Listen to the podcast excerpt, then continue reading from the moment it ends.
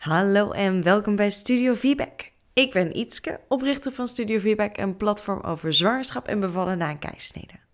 In deze podcast deel ik mijn eigen ervaringen, mijn kennis als doula, maar ook inspirerende ervaringsverhalen en informatieve expert-interviews met als doel om een positieve bijdrage te leveren aan jouw persoonlijke feedback journey.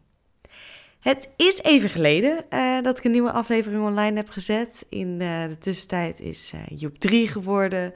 Mia is inmiddels een lekkere baby van 7 maanden. En we hebben in de nasleep van een verbouwing gezeten. Ik ben begonnen bij een nieuwe werkgever. Oh ja, en ik heb ook nog um, de bevalling van mijn eerste doula-cliënten mogen begeleiden. En je kan misschien wel voorstellen dat deze combi behoorlijk wat tijd en energie heeft gevraagd. Dus Studio Feedback heeft even op een laag pitje gestaan. Maar ik merk nu zeker nu mijn avonden wat een beetje meer vrijkomen, dat het weer echt gaat kriebelen. Dus ik, uh, ik heb besloten rustig weer te beginnen. Um, dit is een aflevering die ik al een tijdje geleden tijdens mijn verlof heb opgenomen. En er staan nog echt superveel mooie gesprekken op de planning. Um, bevallingsverhalen, maar ook interviews en ook een heel leuk nieuw concept waar ik uh, na de zomer mee aan de slag ga. Dus bear with me, er komt heel veel moois aan. Um, maar ja, ik...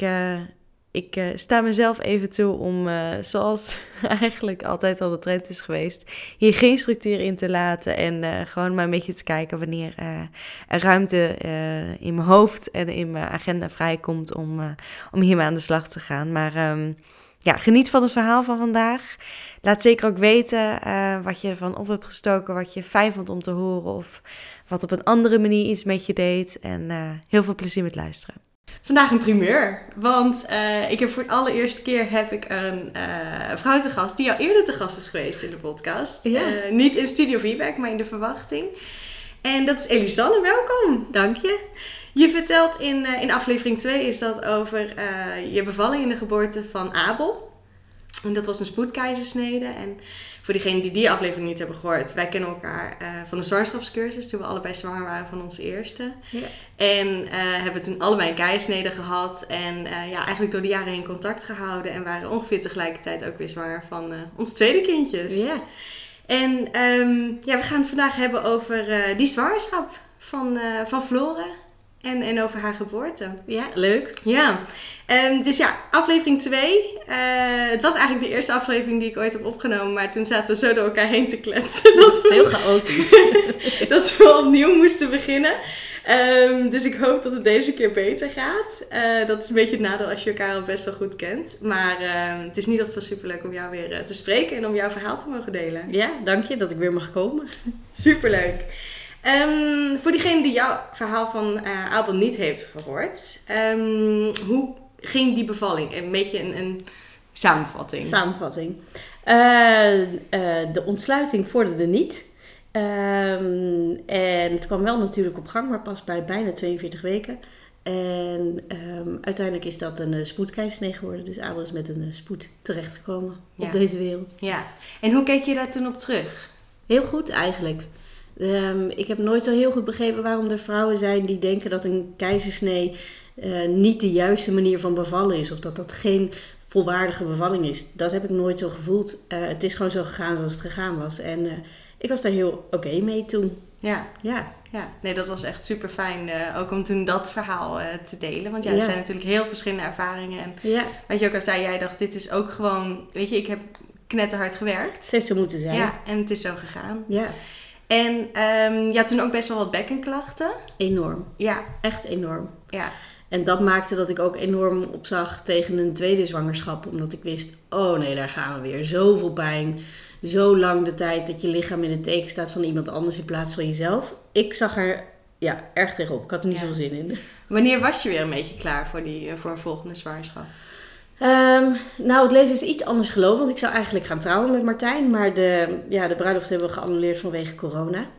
Uh, dus toen was eigenlijk de vervolgstap. Gaan we dan nu ja, toch wel proberen uh, weer een kindje te, te proberen te krijgen, maken. Uh, ben ik één keer ongesteld geweest. En dat was in die zin goed. Want toen voelde ik, oh, ik ben er klaar voor. Het was eigenlijk meer Martijn die er klaar voor was. Maar doordat ik ongesteld werd en dat zo voelde van, oh, toch een beetje teleurstelling. Was ik er klaar voor. En toen is het heel snel gegaan. Ja, fijn. Ja. En hoe verliep de zwangerschap? Ja, wereld van verschil. Daarom wilde ik heel graag eigenlijk met jou praten. Ja. En het vooral ook aan andere vrouwen laten horen. Eh, omdat ik heel graag hoop wil geven aan degene die misschien echt een vreselijke zwangerschap hebben gehad. Bijvoorbeeld met bekkenklachten, wat natuurlijk heel veel voorkomt. Eh, dat het ook anders kan gaan. En dat het echt ja, bij mij dus een verademing was dat je ook op deze manier zwanger kon zijn. Want ik heb dus een hele goede zwangerschap gehad. Oh. Zonder pijn. Wat goed zeg. Ja. En heb je iets gedaan om dat te voorkomen? Of eh, ja, hoe liep dat? ja, nou letterlijk, hoe liep dat? Ik heb heel veel gelopen. Heel veel gelopen. Ik ben een soort van het wandelende bewijs, zeg ik altijd maar, dat het ook anders kan eh, eh, met de zwangerschap.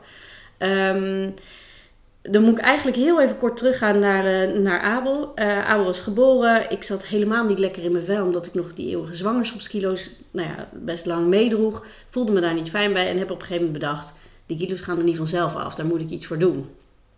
Eh, ik kan niet zo heel goed focussen met eten en ik ben daar niet zo heel strikt in. Eh, hoe meer ik niet moet eten, hoe meer ik wil eten. Dus dat werkt niet voor mij. Maar wat werkt wel? Bewegen. Dus ik heb een Fitbit aangeschaft, ik denk eh, een maand of zes na Abel. En dat, die draag ik nog steeds, want dat is eigenlijk een beetje mijn redding geweest. Dus ik ben heel veel gaan wandelen. Dus voordat COVID eigenlijk kwam, was ik al helemaal wandelfan. Zorgde ik dat ik gewoon 10.000 stappen per dag haalde. Nou ja, toen kwam corona, nou, inmiddels twee jaar geleden. En ik ben altijd blijven wandelen. Dus ik heb voor mezelf een eh, systeem bedacht. Ik zet 10.000 stappen per dag. En ik beweeg een half uurtje per dag. Maakt niet uit wat het is. Of het nou wandelen is, fietsen, dansen, maakt niet uit. Ehm, dit was allemaal, nou ja, helemaal niet met als doel van voor een zwangerschap of zo. Nee, ik wilde me gewoon lekker in mijn, in mijn lijf voelen. Ehm, toen ben ik dus zwanger geraakt van, eh van Floren. Er zit tussen Abel en Floren bijna drie jaar. Ehm, en ja, ik kan alleen maar zeggen, ik was aan het wachten wanneer die pijn kwam. En ik zag al heel erg tegenop van, oh ja, straks kan ik niet meer mijn wandelingetje maken. Maar dat is dus niet gebeurd, want op de dag van de bevalling hebben we ook nog een half uur kunnen wandelen. Fantastisch. Dus ehm, ja, Heerlijk. wandelen, bewegen, Ja. dat heeft me geholpen. Ja, nou supergoed om te weten eh, Ja. dat dat zo'n eh, succes was bij jou. Ja, Heerlijk. ja. Hey, en was jij eh, al vroeg in de zwangerschap bezig met de bevalling? Nee. Nee, meer, meer aan het wachten op die pijn die niet Ja. kwam. Dus vooral toen de knop omgezet, ik mag gewoon genieten. Elke dag dat ik kan lopen en dat ik kan bewegen, me goed voel, is dus mooi meegenomen. En ehm, nee, ik was niet zo vroeg bezig met die bevalling. Ook omdat je denk ik weet wat er ongeveer gaat gebeuren. Ja. Ik had natuurlijke weeën, dus dan weet je, oh ja, het wordt gewoon geen pretje. Nee. Maar ik kan dat, want ik heb het al een keer gedaan. Want je had wel het idee van, ik wil, wil echt wel weer die, die feedback. Ik wil echt wel vaginaal proberen in ieder geval. Dat was wel mijn wens, ja. Dus Ja. ik heb het er wel al vroeg ook met de verloskundige en met Martijn over gehad. Maar ik vond het ook nog wat ver van mijn bedshow toen ik aan het begin van de zwangerschap eh, zat. Maar ik had wel heel erg de wens om vaginaal te bevallen, omdat ik van zoveel vriendinnen had gehoord hoe snel het herstel ging. En dat had ik niet met de vorige keer, hè, met een eh, keizersnee. Dus dat was mijn grootste wens. Ja. Ehm, doe het maar via de natuurlijke manier als het kan. Want dan ben ik sneller weer op de been. Ik heb al een, een kindje van eh, bijna drie rondlopen. Dat is beter als je, als je snel hersteld bent. Ja. Dus dat was zeker de wens. Ja. En ehm, ja, dus de, een, een geplande keizersnede was niet echt een optie. Hoe zag je, keek je naar? Je keek gelukkig heel goed terug op, op de spoedkeizersnede die je had bij Abel. Ja, Hoe zag je eh, de mogelijkheid dat dat ook weer zou kunnen gebeuren? nou, de geplande keizersnee was wel een optie voor Oh, mij. wel. Want ik heb, een, eh, ik heb een soort van de voor- en nadelen van elkaar Mm. bij elkaar opgeschreven. Ik heb het gegoogeld en daar was een, eh, ja, soort formulier met vragen... wat je eigenlijk kan helpen om een keuze daarin te maken. Want als je een keizersnee hebt gehad, mag je ook kiezen voor Ja. een geplande. Dus ehm, ook met Martijn over gehad. Eh, voor mij was het bijvoorbeeld ook... ehm, ik vond het moeilijk om een keuze erin te maken. Van wat wil ik nou? Ik heb jou toen op een gegeven moment nog eh, een berichtje gestuurd van... Oké, jij bent de enige in mijn omgeving die nu en de keizersnee heeft gehad en daarna vaginaalsballen. Wat is nou erger? Is een buikwond erger of als je eh, volledig uitscheurt? Wat is erger? Ja. Wat, eh, want dat is natuurlijk ook een kans als je, als je vaginaal bevandt. En daar hoor ik genoeg verhalen over. Dus dat Ja. is een reële kans. Ja. En ik was behoorlijk uitgescheurd ook wel echt. Ja, En mijn antwoord was, vaginaal is echt tien keer fijner qua Ja. herstel. verbaasde mij. Zelfs met best wel wat hechtingen. Ja, want ehm, en daar wordt misschien niet zo over gepraat, maar ehm, ik zag er best wel tegen op als ik, een, als ik een vaginale bevalling had. Hoe zou mijn partner dan kijken naar mijn vagina vanaf dan? Kan die dat nog als een genotsplek zien? Of is, het een, is dat voor altijd dan ja, eh, de plek waar een, een heel kind is uitgekomen? Want het is nogal wat. Dus ik was ook heel erg bang, want dat heeft een vaginale bevalling kan ook zoveel effect hebben op mijn seksleven. Ehm, nou, veel gepraat, ook met vriendinnen die een vaginale bevalling hadden gehad. En eh, de ene partner heeft er meer last van dan de ander, maar tijd hield alle wonden. Nou ja, goed. Ehm, even terug, ik had dus een overzichtje gemaakt voor- en nadelen. En ben uiteindelijk met Martijn ook, eh, maar die, die ging helemaal in mij, met mij mee hoor, ehm, de keuze gemaakt. Eh, ik wil het liefst vaginaal bevallen. Ik heb het liefst dat die weeën vanzelf komen. Maar ik ga niet meer wachten tot die 42 weken, want ik was helemaal op. Ga ik niet meer doen. Dus wij gaan een, een soort ultimatum doen. Dan heb ik een beetje van allebei de werelden. Bij 41 weken plannen we een geplande keizersnee. En dan, uh, dan gaan we zien hoe dat loopt. Oké, dus dat was echt voor jou een grens 41 ga weken niet en dan bam. zo ver voorbij mijn uitgerekende Ja. datum. Ja. Ja. Nou, heel fijn dat je een soort van de, ja, jouw plannetje had waar jij dacht, ja, dat voelt goed. Ja, voor mij kon het dus verschillende kanten op. Ja. En daar was ik oké mee. Ja, super. Ja. En eh, ja, hoe kondigde de bevalling zich aan? Ja. Ik had echt verwacht dat het bijna hetzelfde zou zijn als bij Abel. Ik wist toen meteen, ik werd wakker. Ik had een W. Bam, dit is een W. Aha. Al dat andere waarvan ik dacht dat het een W was, dat is het niet. Maar bij Flo ging het anders. Het eh, was aan het rommelen. Het gebeurde s'avonds. Ondertussen hoor je wat geluid, want dat is uh, dus. Ehm, maar ehm, eh, het begon s'avonds en eh, met gerommel, harde buiken. Ik ben nog onder de douche gaan staan, zwakte het weer wat af. Ehm, ik zat net te denken, dat kan niet. Want de uitgerekende datum is, eh, aan de, a- ja, komt er bijna aan. Ik kan niet op de uitgerekende datum bevallen. Dat was gewoon, ik was zo zeg maar bezig, want de vorige keer duurde het zo lang. En hoe ver was je toen? Ja, 39, eh, 6. Ja. En het begon dus 's avonds. Om 12, 12 uur zijn we naar het ziekenhuis gegaan, s'nachts.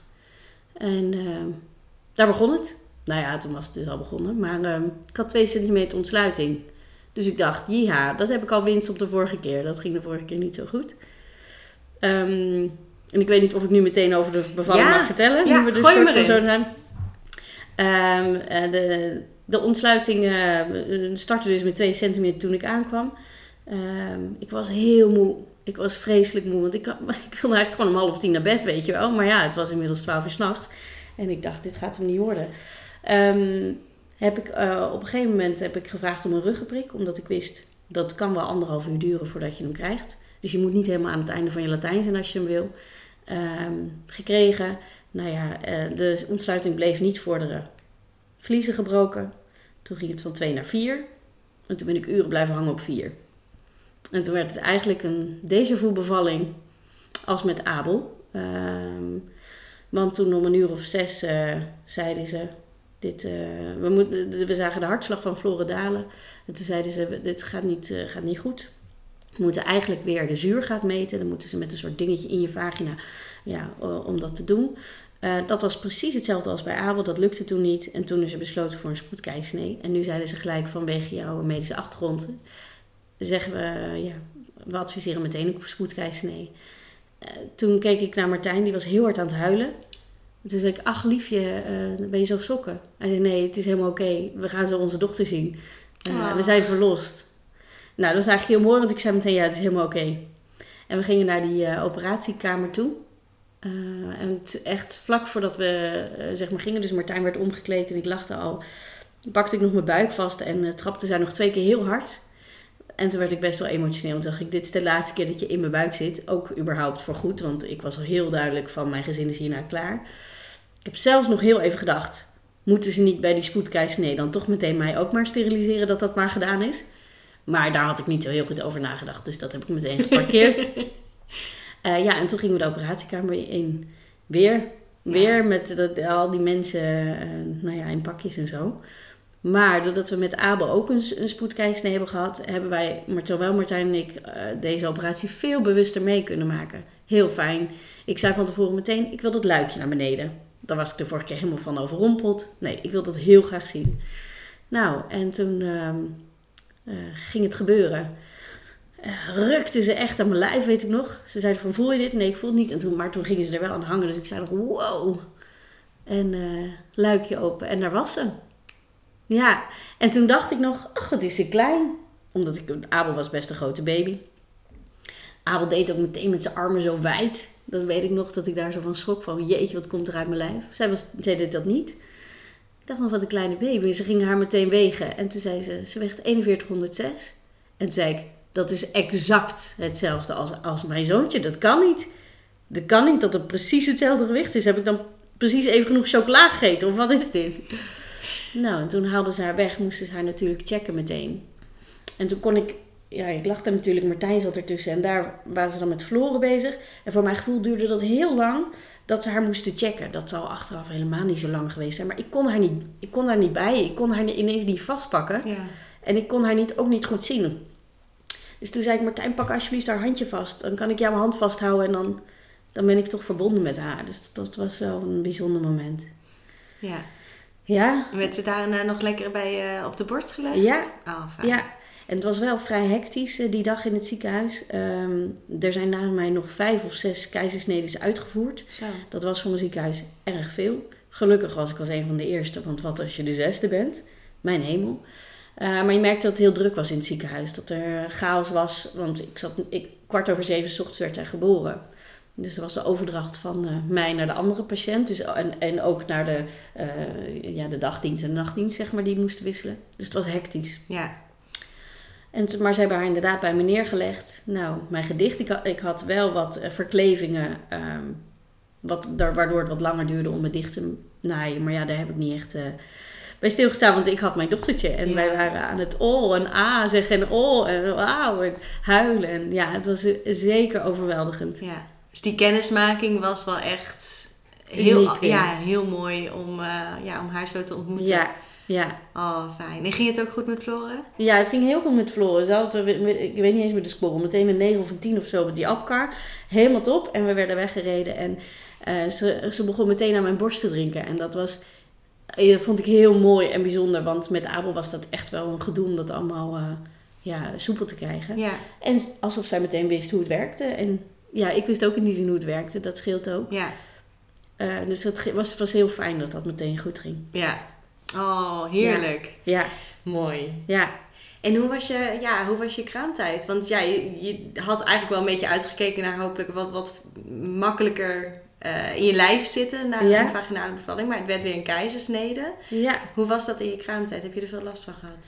Nee, ehm, ik weet nog dat de vorige keer toen wij praten, in die, in die aflevering 2, dat jij vroeg, "En wat zou je de volgende keer anders doen? Dat ik met heel stellig zei, ik zou niks anders doen. Alleen een andere kraamhulp. Ja.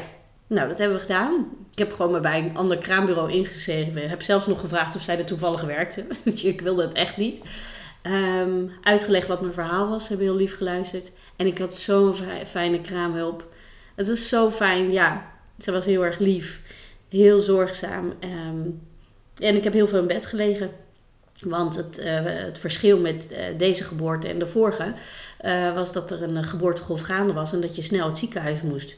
Dus waar ik de vorige keer met Abel na vier dagen het ziekenhuis ging, ging ik nu na anderhalve dag moest ik ja, weg. Ja. En toen was ik vrij slecht aan toe, moet ik zeggen. Ik vond dat wel heel snel.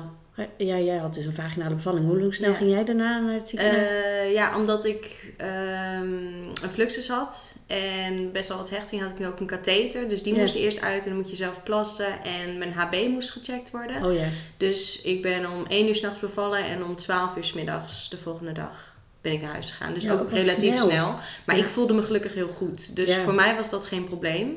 Maar ik denk wel zeker als je een keisnede hebt gehad en je voelt je niet helemaal lekker, is het wel heel fijn als je de optie hebt tenminste. ja. Natuurlijk, als je je goed voelt, heb je altijd de keuze als dat, eh, eh, ja, even in overleg natuurlijk eh, meegenomen wat het advies is. ja. Ehm, maar ja, wel vervelend dat dat zo snel voelde voor jou. Dat dat eigenlijk niet helemaal ideaal was. ik vond het snel. Ik, Ja. ik heb dus, nou ja, wel echt een, geprofiteerd van een sterk lijf. Ook in het herstel eh, na de, na de keizersnee. En daar bedoel ik vooral mee dat je buik ligt natuurlijk, ja, is helemaal naar de getver. Ehm, en in het ziekenhuis kun je zelf met zo'n eh, ja, ha- hangding kun je jezelf overeind te hijsen uit bed. Maar dat heb je thuis niet. Eh, dus je moet met je armen en je benen moet je jezelf omhoog wippen.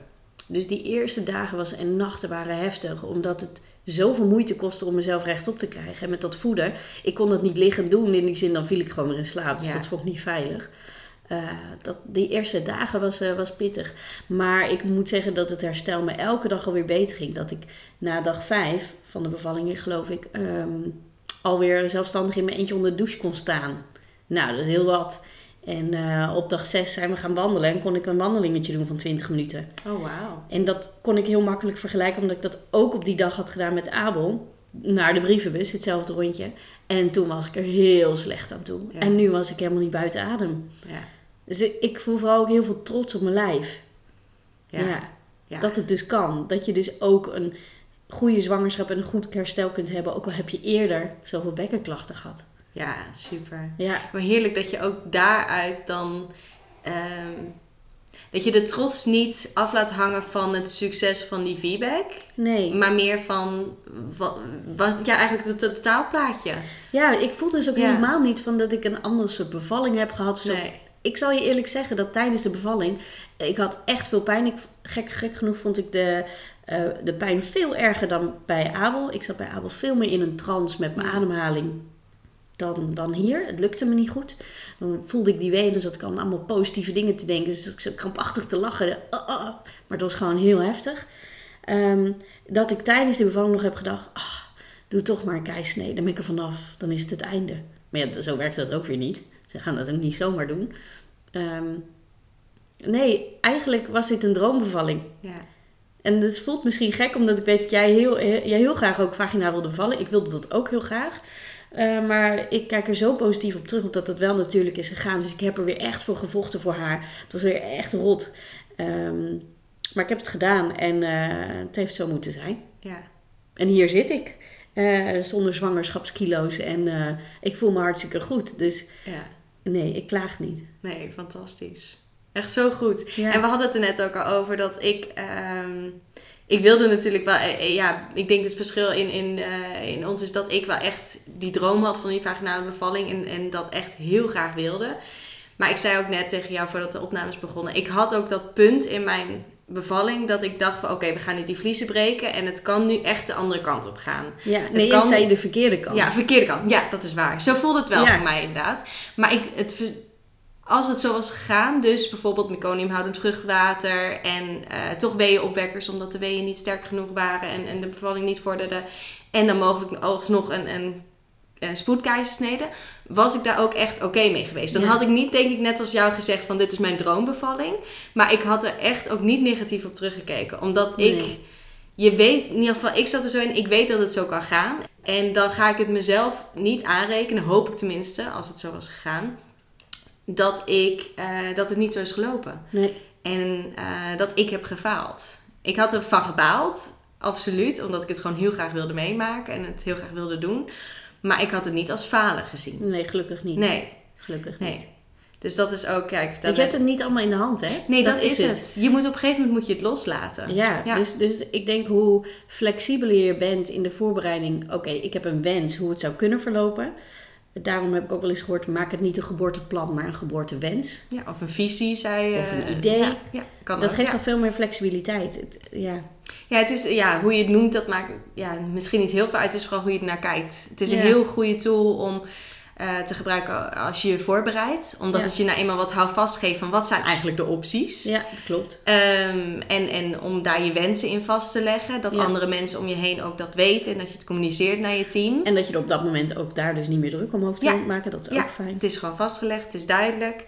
Ehm, en het is dan ook goed van, ja, ze, ze adviseerde toen ook bij jou toen het niet ging zoals eh, ze hoopte. En, en dus de hartslag eh, en de zuurgraad eh, niet de, de juiste tekenen gaven. Ja. Zei ze ook van, nou, wij adviseren dit nu echt. Ja. En ehm, je hebt dan uiteindelijk natuurlijk nog steeds een keuze. Klopt. En zeker in zo'n situatie, als ze echt zeggen van, nou, dit ziet er niet goed uit, zou ik altijd zeggen, volg het. Maar dat er de tijd genomen is Ja. om dat rustig te vertellen.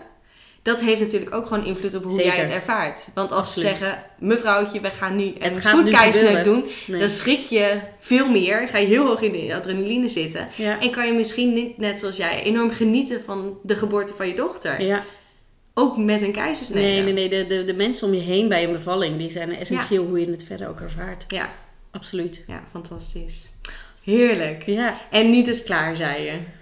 Absoluut. Ik ben Ja. er echt super klaar mee. Mijn gezin voelt enorm compleet. Martijn die, heeft, eh, die maakt eh, er steeds nog wel grapjes van eh, een derde. Maar dan zeg ik, dat mag je bij je tweede leg gaan doen of bij je minnares. Maar bij mij gaat het niet gebeuren. Ik voel me daar heel stellig in. Het Ja. voelt af Ja, met Flora en Abel. Ja. ja. Nou, heel mooi. En ja, bedankt dat je ook dit verhaal wilde delen. Ja, ja, mag ik ook nog wat vertellen over het geboorteverlof? Ja, natuurlijk. Want ehm, wat ik, waar ik zo blij mee ben, is dat de partner nu veel langer verlof heeft dan voorheen. En daardoor ja, vind ik het zo gelijkwaardiger in de relatie dat je niet, uh, nou ja, s'nachts de nachten apart hoeft te doen. Zeg maar dat je zegt, oh jij gaat werken, ik doe de nachten wel, maar dat je het echt samen kunt doen. En dat ik dat een hele goede verbetering vind. En daar, uh, ja, heel blij mee ben, doordat je daardoor ook veel meer tijd voor jezelf even kan nemen. Ja, ja want ik weet ook nog, de vorige keer had je het ook heel erg over um, tijd voor jezelf vinden. Mhm. en, en het schema van Abel versus eigenlijk jouw drang naar flexibiliteit. Ja. Hoe is dat gegaan uh, deze keer? Ja, uh, heel anders. Ik ervaar het nu ook, zeg maar, een tweede veel relaxter dan een eerste. Maar ik zeg altijd, je hebt er een eerste voor nodig om dat te ervaren. Ja. Um, bij, bij, bij A was ik ook heel erg bezig met inderdaad, eh, wie, wat is mijn identiteit nu ik een moeder ben. Er zijn heel veel vrouwen die een identiteit aan, ontleden aan dat ze moeder zijn, maar dat had ik niet. Ik was heel erg zoekende van wie ben ik. En dat had ik inmiddels wel allemaal uitgedokterd. Dus met Flow hoefde ik me daar niet meer druk om te maken. Um, in het begin is het zeg maar zo chaotisch van uh, wie gaat er het kind naar de opvang brengen, hoe laat dit, uh, oh je wordt weer ondergescheten, wat moet je dan ook weer allemaal doen. Um, ook dat heb je allemaal al uitgedokterd. Dus um, een tweede is wat dat betreft uh, een stuk makkelijker. En uh, ja, daardoor heb je ook denk ik meer tijd en energie om flexibeler te zijn met andere dingen. Ja. En haar te leren kennen. Ik vind het nu ineens veel rustiger met een tweede kind. Terwijl ik dacht, wow, met die eerste was ik echt best wel hysterisch. Ja, ook een verschil zeg maar met die eerste en de tweede zwangerschap is dat ik met Abel echt eh, heel hormonaal was. En met haar helemaal niet. Ook niet tijdens de zwangerschap veel relaxter. Ja. ja, dat heb je niet helemaal in de hand, want hormonen zijn gekke dingen. Uh, maar het is toch wel een voordeel. Ja, enorm. Ja. En wat ik ook nog weet van je, uh, van je eerste kraamtijd, is dat je best wel hoog in je energie zat. Mm -hmm. Je wilde heel snel weer van alles doen. Ja. Maar je voelde je ook gewoon, ik denk door een, een hele lange adrenalinestoot, ja. Uh, die wat langer dan gemiddeld bij jou bleef doorwoeken, ja. voelde je je heel lang heel goed. Klopt. Hoe was dat deze keer? Ik was toen echt hyperactief, ja. Uh, en dat krijg ik ook als ik weinig slaap. En dat krijg je natuurlijk als je een uh, babytje hebt, heb je weinig slaap. Um, nee, dat, dat speelde ook heel erg mee met deze zwangerschap en dit verlof. Um, ik wist veel beter wat ik nodig heb, had. Um, inderdaad, tijd voor mezelf, slaap. Met Abel wilde ik niet slapen, zeg maar, overdag. Omdat ik dacht, nee, er is nog zoveel leuks te doen. Met haar heb ik altijd geslapen. Ja. Uh, in het begin. ik heb met die, met die kraamhulp die ik nu had, Kai heette ze, over, overlegd van de vorige keer, uh, was dat een hele wilde die ook door het huis raaste. Daar werd ik heel onrustig van. Uh, zij was heel rustig. Ja. Uh, dat was ook prettig voor mij. En ik heb ook aan haar gevraagd: van, ik voel me nu heel bezwaard dat jij alles doet. En Martijn deed natuurlijk heel veel met Abel beneden, omdat ik ja, dat niet kon. Um, maar ik wist, ik heb nu rust nodig. Ja. En ik wist ook van anderen die een tweede hadden gekregen dat de vrouw dan eigenlijk er last van had dat zij heel erg met de baby bezig was en dan minder met het oudste kind. Doordat ik dat van tevoren al wist, vroeg ik Abel ochtends om met mij op bed te zitten en met hem een boekje te lezen en even aandacht met hem te hebben. Ja. Dus ik was ja, beter voorbereid of. Um, ja, je weet ook, denk ik, dat dat ik in ieder geval erg, dat die hele fase dat zo'n kindje enorm afhankelijk van je is en dat je echt die rust voor jezelf ook moet nemen om op lange termijn je veel beter te voelen. Ja. Dat is ook best wel een korte periode. Klopt. Dat zijn echt maar een aantal weken, dat je echt je hele leven even on hold zet. Ja. En als je dat goed doet, ja. dan kan je veel makkelijker gewoon weer doorgaan zoals je zelf wil uh, na die periode. Ja, klopt. En dat kan je, ja, dan kan je zo'n tweede ronde, ik in ieder geval, kom me daar veel beter aan overgeven. Ja. En veel meer van genieten ook daardoor. Ja, ja. En nog een andere tip. Um, jij hebt dat ook gebruikt, uh, jij, want jij gaf ook borstvoeding. Um, was die lekschaal. Ik vind het een vreselijke naam. Abel noemt het een paddenstoel, vind ik een veel leukere naam. maar um, daardoor kon ik zeg maar heel veel kolven. En uh, zonder dat ik daar moeite voor hoef te doen. Hoe het werkt is, je legt je, je kind ja, aan één siliconen borstkolf, ja. ja. En aan de andere doe je dat siliconen ding erop. En zonder dat je er moeite voor doet, want je zit toch al, je geeft toch al voeding. Ja. Uh, kun je zo'n voorraadje opbouwen. En een voorraadje melk geeft een vrouw, vind ik, rust. Gaf mij vrijheid. Want ik kon uh, een voeding er helemaal uithalen. Die kon altijd zeg maar, met de voorraad gedaan worden door Martijn. Nou, dat is ook goed voor de man uh, of de partner, hè, wat je ook hebt. Ehm, dus ook dat gaf, eh, gaf dus, dus dat zou ik vrouwen ook absoluut eh, adviseren om zo'n dingetje te kopen. Kost niks. Nee, ja, inderdaad, dat is een tientje ongeveer. Ja. En dat heeft mij ook enorm veel geschild. Ja, Ik heb gewoon in mijn kraamtijd niet gegolfd. Nee. Ehm, want Mia moest wel wat bijgevoed worden. eh, omdat ze gewoon eh, best wel veel afviel. Maar ik kreeg er genoeg uit door gewoon dat ding aan mijn andere borst te zetten. Terwijl zij dronk. Ja. Top, hè? Heerlijk. Ja, top. Ja, top. Heb ik bij, dat jij Ja. ook bij Joep niet, toch? Nee, Nee. nee. Oh, dus zat ik echt de hele tijd aan dat ding. Ja, en ik ook. Dus ik denk ook zeker na een keizersnede zeggen ze soms, weet je, die borstvoeding kan soms wat lastig op gang komen. Omdat je niet diezelfde hormonencocktail hebt. Ja. En het verschilt natuurlijk een beetje. Bij jou begon het eh, wel gewoon vaginaal. Dus dan denk ik, ja, dan heb je dat in ieder geval al meegepakt. Maar ehm, ja, om dat nog als in te zetten als, eh, als extra trucje om die borstvoeding eh, op gang te krijgen als dat je wens is, dan zou ik zeker, Zeker eh, doen. zeker doen. Ja. Ja. Maar goed, conclusie. Voor iedereen die ooit eh, pijn heeft gehad, er is hoop. Ja, Bewegen en wandel. En wandel hoeft niet groot en meeslepend te zijn, maar eh, ja, doe het. Want het, kan, het kan pijnloos verlopen. ja, fantastisch. Dankjewel. Ja, leuk om weer te zijn. Dank je.